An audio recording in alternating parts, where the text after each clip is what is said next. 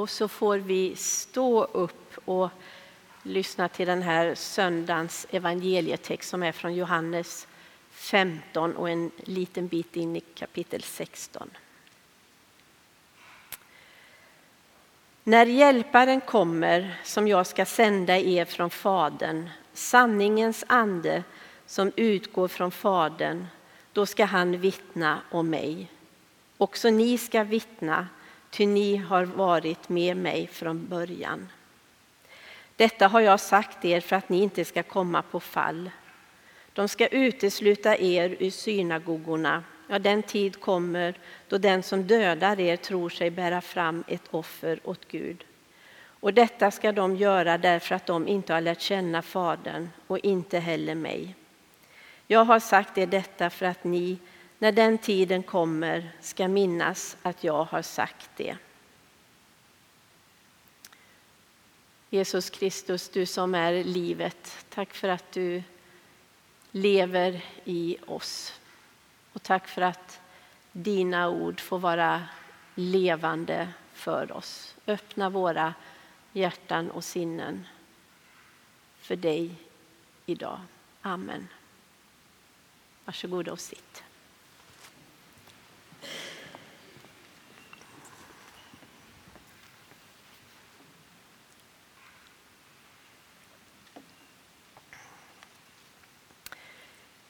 Det är väntans tider skulle vi kunna säga. I torsdags så firades Kristi himmelsfärdsdag och då lästes det på gudstjänster om hur Jesus blev upptagen till himlen. Kanske ni uppmärksammar att träskulpturen med den uppståndne Jesus som ställs på dopkällans kant där på påskdagen nu är borttagen som en symbol för att den uppståndne Jesus är himlen. Lärjungarna är nu i en mittemellan-tid. Jesus har farit ifrån dem, lämnat dem men med löftet om hjälparen, sanningens ande. Det löfte som han gav dem i sitt avskedstal, där versarna som vi nyss läst är hämtade ifrån. Och det här är tredje gången som Johannes skriver om att Jesus ger lärjungarna löftet om anden. Det är som om de behöver påminnas om det. De behöver höra det mer än en gång. Att hjälparen kommer. Hjälparen. Det grekiska ordet kan bland annat översättas med någon som är tillkallad som advokat eller försvarsvittne. Men det kan också översättas med någon som är kallad att mana och trösta. Någon som är kallad att mana och trösta. Och det behövde lärjungarna. I sin rädsla, ovisshet och oro inför framtiden så behövde de påminnas om löftet mer än en gång. Löftet om hjälparen, sanningens ande, den som vittnar och berättar om Guds goda mening med livet. Det behövde de och det behöver vi höra om och påminnas om flera gånger. Väntans tider, att vänta på någon eller något. En väntan, att vänta, det kan se så olika ut och väntan kan ha olika tidsrymd. Ofta vet vi när vår väntan är över. Har vi nummer 15 på vår kölapp och det är nummer 13 som betjänas så vet vi att det är vår tur snart. På vårdcentralen så ska vi inte behöva vänta mer än 15 minuter har jag läst på någon lapp. Och en gudstjänst brukar ju inte vara längre än att den där väntan på kyrkfikat är över vid kvart, 20 över 12 eller senast halv ett. Men lika ofta så kan det ju vara så att vi inte vet när våran väntan är över. Och då kan det ju kännas som om den varar i en evighet. Och det är ju inte bara när vi var barn och väntade på tomten som väntan kan kännas som en evighet, utan även som vuxen. Ofta kan det finnas en glädje i väntan, att väntan i sig är god och det går att trivas och må gott i väntan. Det kan vara skönt att vänta, längta efter eller ha förväntan inför något. En god väntan som ser olika ut för oss i livets olika skeenden. Ett lov från skolan som man väntar på, en efterlängtad semester eller en söndagsmiddag när familjen äntligen får träffas. Eller fredagseftermiddagen som talar om för en del att nu är det snart helg.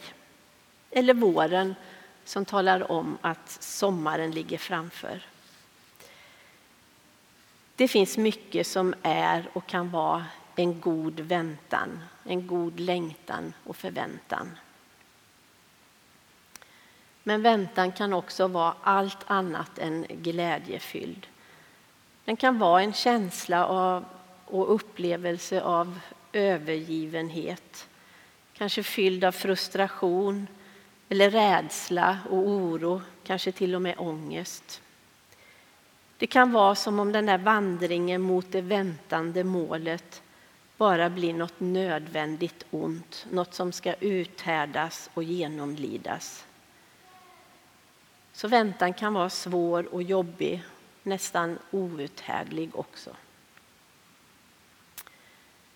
Men att vänta, både den goda och den svåra väntan, så kan vi ändå se den som en mellantid.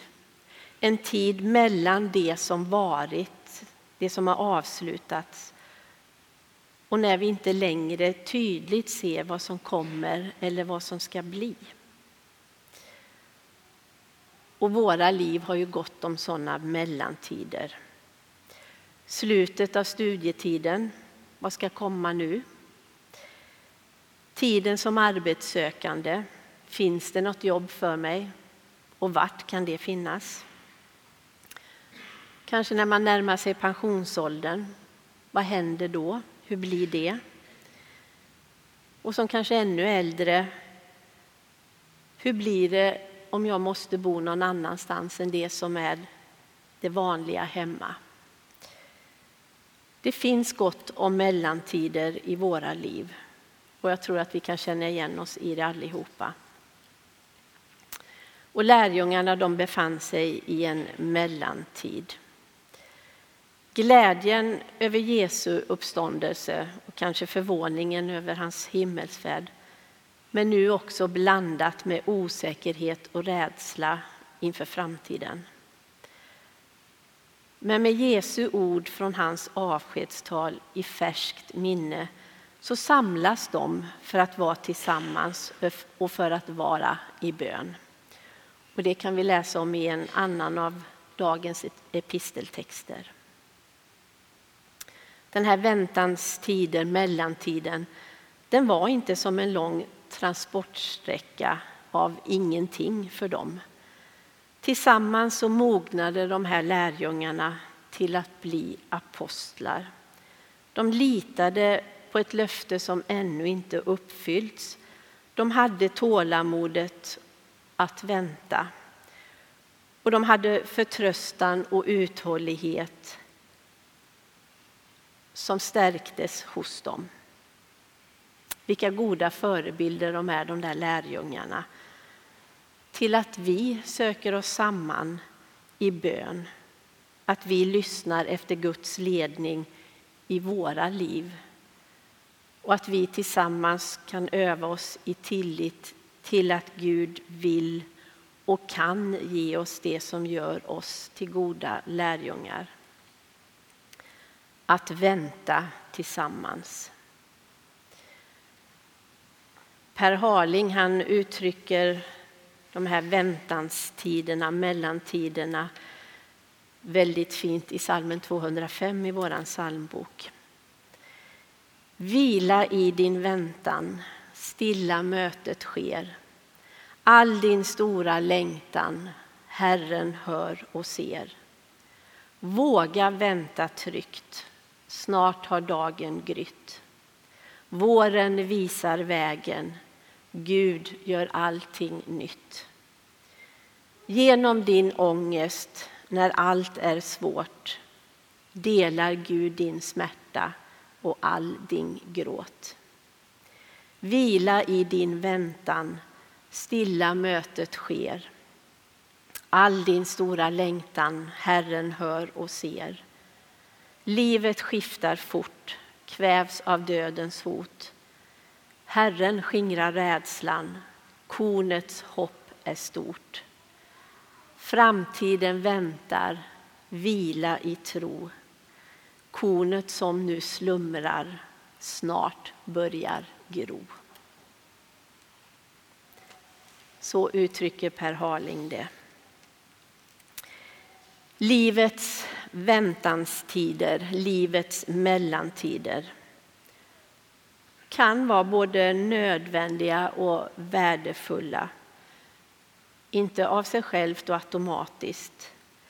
Men har vi en längtan, bär man på en längtan eller en förväntan så kan en sån här tid bli en tid av värdefull inre förberedelse till växt och mognad.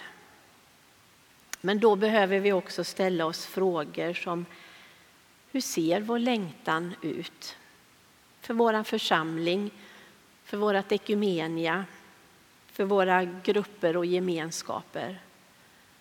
Vad är din längtan? Och vad är min längtan? Och vad gör vi med vår längtan och våran väntan? Frågor som vi kan fundera på tillsammans eller för sig själv. Det kommer mer om längtan mot slutet. Men först. Jesus ger lärjungarna löftet om hjälparen som ska komma. Men han varnar dem också för kommande svårigheter och prövningar. Och varken de eller vi som dagens lärjungar har ju fått något löfte om en jämn och enkel väg att vandra i livet. Lärjungarna fick möta sina svårigheter i form av förföljelser och uteslutningar ur synagogorna och till och med döden. Och Paulus talar i episteltexten om våra lidanden i denna tid. Lidanden som är olika, ser olika ut och som inte är jämförbara eftersom de ser olika ut och upplevs olika. Men det är ibland en kamp att leva och att vara människa. Och även om vi vet att en dag i detta livet eller i evigheten så blir det bättre och annorlunda så är det ju här och nu vi lever. Det är här och nu vi ska orka med, klara av, stå ut med svårigheter, med kamp och ibland lidande. Så det är ju här och nu vi behöver komma ihåg Jesu ord om hjälparen som kommer. Hjälparen som är. Vi är inte övergivna. För hjälparen kommer och hjälparen är. Och jag tror att det är en god och bra övning för oss självständiga, fria och oberoende människor att be om hjälp, att be om hjälparen. Det jag förut pratade lite med barnen om, den här sjukskrivningen jag hade. För mig blev det en, verkligen en god övning i att be om hjälp och att ta emot hjälp. Och tro mig, det är inte alltid lätt att be om hjälp eller att känna sig hjälplös. Jag är nog inte ensam om att känna igen det. Men det var heller ingen av dem som jag bad om hjälp som inte ville hjälpa till, som sa att det här där får du klara dig själv med. Det finns en glädje i att få hjälp. Och jag tror att de som var mig till hjälp också kunde få känna glädje. Och jag tror att det är vår erfarenhet, att det finns en glädje i att finnas till. Vi behöver vilja och våga be om hjälp. Och vi behöver vilja och våga vara öppna för den som ber om våran hjälp. För det är ju detta som är våran kallelse, våran uppgift. Vara hjälp till andra, vara den där hjälpen, de vittnen som Jesus talar om. Helt enkelt att vara diakonala. En klok man talar om att det inte går att vittna om det man inte upplevt personligen. Så det vi fått vara med om i form av hjälp och omsorg och tillhörighet med andra, det ger och gör vi för andra. Det vi har sett och upplevt och erfarit och tror på. Jesus Kristus som Guds son och hans närvaro i våra liv i form av kraft och kärlek. Det berättar vi om och gestaltar vi på våra olika sätt. Och nu kommer jag tillbaka det som jag vill dela med er om min längtan för våran församling och andra församlingar. Nämligen att detta som är att vara församling, att vara aktiv inom verksamhet eller grupp, vad den än är. Här längtar jag efter att vi om just det inte tänker som ett jag måste, utan att det mer får vara ett åh, jag bara måste. Hör ni skillnaden? Jag måste. Eller åh, jag bara måste. Inte ett tvång, utan något glädjefullt, något lustfyllt, som en fest. Inte bara en betungande plikt, utan en längtan att få vara med. Att hjälpa till, att bidra med gåvor och förmågor. Bidra med värme och gemenskap och öppenhet. Igår var det avslutning på kyrkokonferensen i Gävle. Och Lasse Svensson, kyrkoledare i Ekumeniakyrkan, sa i sin sändningspredikan bland annat så här. Din församling räcker. Din församling bär hela mysteriet. Men vi behöver lita mer på Gud. Läsa Bibeln mer än vi pratar. Be mer än vi städar. Och då tror jag att vi behöver både prata och städa.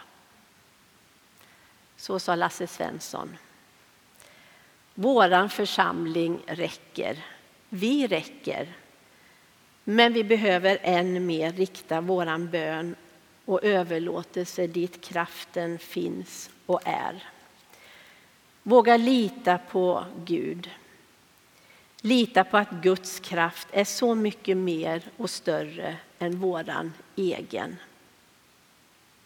Guds goda ande, hjälparen, kan väcka en glädje och lust och tacksamhet över att få vara en del i Guds församling på våra olika sätt. Vi får vara med och göra Gud tydlig, synlig och handlande. Och det har jag sagt förut, men jag säger det igen. Vi får vara med och göra Gud tydlig, synlig och handlande. Hjälparen kommer till oss, kommer oss till hjälp när vi är Guds vittnen. Den helige Ande leder, manar och tröstar. Och den helige Ande ber i oss och ser till att bönens låga inte slocknar i mörkret. Och vi ber med orden i salmen 96 i psalmboken. Öppna mig för din kärlek. Världen behöver mig. Världen behöver din kärlek strömmande genom mig. Forma mig för ditt rike. uppväck mig, ge mig liv. Ta mig nu in i din lydnad, Herre, förvandla mig. Nu till din tjänst, o Herre, ger jag min kropp och själ. Låt mig ur döden få uppstå, Kristus, du livet är. Omslut mig med din kärlek, världen behöver mig. Världen behöver din kärlek strömmande genom mig. Amen.